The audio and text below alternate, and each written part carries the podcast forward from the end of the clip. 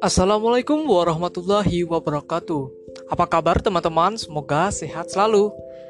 Terima kasih saya ucapkan kepada teman-teman yang telah dengan rela dan sudi meluangkan waktunya untuk mengikuti kegiatan seminar online nasional bersama Sudut Prestasi Anak Milenial atau SPAM dengan tema Tips dan Trik Mendapatkan Beasiswa ketika kita berkuliah ataupun bagi kalian teman-teman pelajar yang ingin melanjutkan studinya ke perguruan tinggi. Seperti kita ketahui, beasiswa salah satu bagian penting dalam penunjang finansial kita. Oleh karena itu, banyak sekali mahasiswa yang berusaha mendaftar beasiswa namun banyak juga yang gagal. Nah, dengan berbagi pengalaman ini semoga bisa mendapatkan ilmu dan juga kita bisa sharing tentang tips trik mendapatkan beasiswa.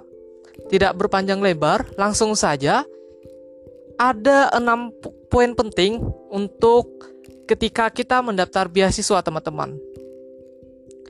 Yang pertama adalah cari informasi beasiswa. Sesuatu hal ketika kita ingin mendapatkannya, kita tidak bisa diam, kita harus mencarinya. Teman-teman bisa cari informasi beasiswa melalui papan informasi yang ada di kampus-kampus, melalui internet, atau teman-teman bisa bertanya langsung ke kebagian kemahasiswaan yang ada di kampus teman-teman. Nah, Misalkan dari aku, teman-teman juga bisa langsung bertanya kepada alumni ataupun senior-senior kalian yang telah mendapatkan beasiswa serupa karena tentu cerita dari beliau akan sangat penting dan berharga yang kedua adalah perhatikan timeline administrasi. Maksudnya, timeline administrasi dari pembukaan hingga penutupan. Karena banyak sekali orang-orang dalam mendaftar beasiswa dia justru gugur di bagian administrasi ini karena kadang submitnya melalui dari batas waktu atau tidak lengkap. Jadi teman-teman yang yang kedua yang penting itu adalah perhatikan administrasi ketika mendaftar. Yang ketiga adalah perhatikan nilai atau IPK. Jadi buat teman-teman nih, misalnya pelajar yang nanti akan berkuliah, teman-teman harus perhatikan nilai dan IPK kalian. Karena rata-rata beasiswa itu pasti memacu IPK tertentu. Misal, EPK minimal 3,00 atau 3,50.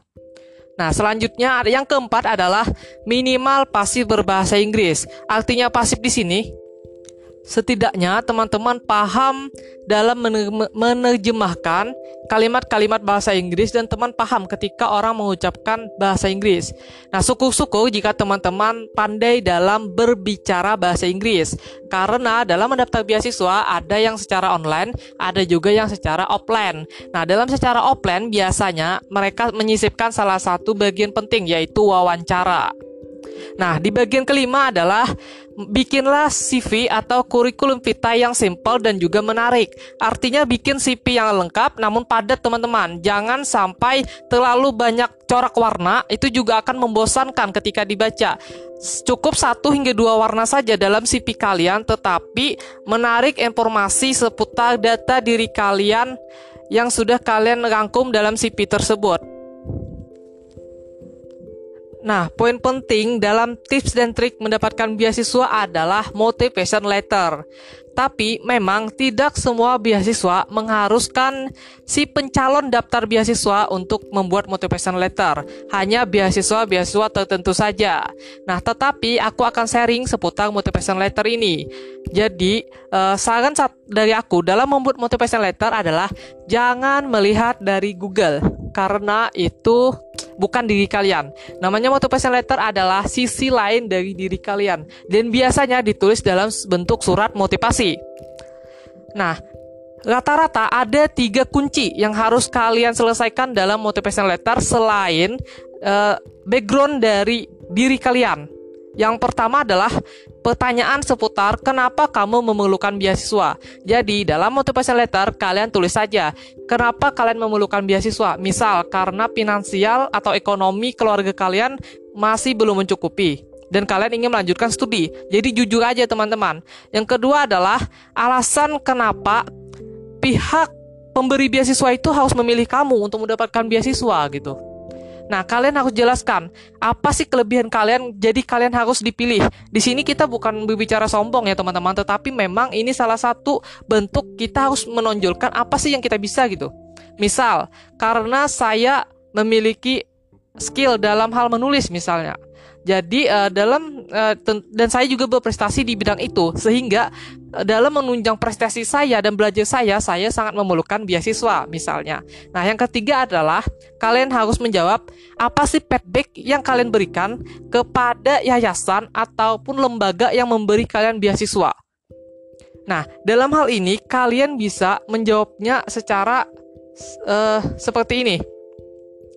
Nah, jika saya telah mendapatkan beasiswa, maka saya akan membawa nama beasiswa itu dengan baik. Misal, melalui kegiatan sosial misalnya ke masyarakat. Jadi secara tidak langsung nama yayasan ataupun nama lembaga yang memberi beasiswa kita itu mereka juga terbrand sendiri gitu atau terkenal dengan sendirinya oleh masyarakat.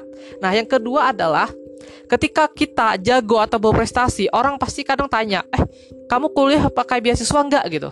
Pakai beasiswa apa? Beasiswa ini. Nah, itu secara tidak langsung uh, feedback yang bisa kalian berikan kepada lembaga atau yayasan. Nah, inti dari semua ini adalah ketika ingin mendapatkan beasiswa selain mengikuti tips dan trik dari aku, intinya adalah usaha dan niat. Karena jika kita tidak niat, kita cuma ikut-ikutan, artinya kita tidak serius ketika mendaftar beasiswa. Nah, ketika mendata beasiswa serius, walaupun kita gagal, kita coba lagi. Karena teman-teman, ketika aku kuliah, uh, aku semester 2 baru mendapatkan beasiswa. Karena semester 1 aku tidak tahu informasi jika ada beasiswa bidik misi. Nah, selama satu semester aku uh, lumayan ini sih, lumayan ribet gitu karena banyaknya pengeluaran kuliah dan juga segala macam. Jadi akhirnya semester 2 mendapatkan beasiswa. Nah itu pun dari tiga kali gagal mendapatkan beasiswa. Artinya aku tiga kali daftar di lembaga yang berbeda dan akhirnya aku tanya sama senior-senior aku, oh ternyata ada trik khusus. Nah salah satu kunci trik khusus itu yaitu yang kutanya tadi, motivation letter dan juga di bagian timeline administrasi. Itu adalah dua bagian penting yang biasanya mempengaruhi kelulusan atau tidaknya kita. Dan akhirnya setelah aku belajar melalui tem, uh, kakak tingkat aku dan alhamdulillah yang keempat daftar langsung lolos. Nah, ternyata semester 5 aku mendapatkan beasiswa lagi. Jadi jika ada pertanyaan, boleh nggak sih ketika kita kuliah double beasiswa? Jawabannya boleh, asalkan ketika kita mendaftar beasiswa, Beasiswa yang kita daftar ini tidak ada persyaratan yang mengharuskan si pen, uh, penerima si calon pendaftar itu tidak memiliki beasiswa. Boleh. Jadi kita boleh aja. Nah, setelah semester 5, selanjutnya aku juga ada mendapatkan beasiswa dari Basnas, Badan Amil Zakat Nasional. Nah, jadi uh, beasiswa ini sangat menolong kita teman-teman, terutama dalam hal finansial kita, dalam hal kelanjutan studi kita. Nah, demikian uh, bincang-bincang bersama aku. Semoga teman-teman paham dan juga semoga ini bermanfaat teman-teman. Nah, selanjutnya mungkin kita bisa buka sesi sharing ya.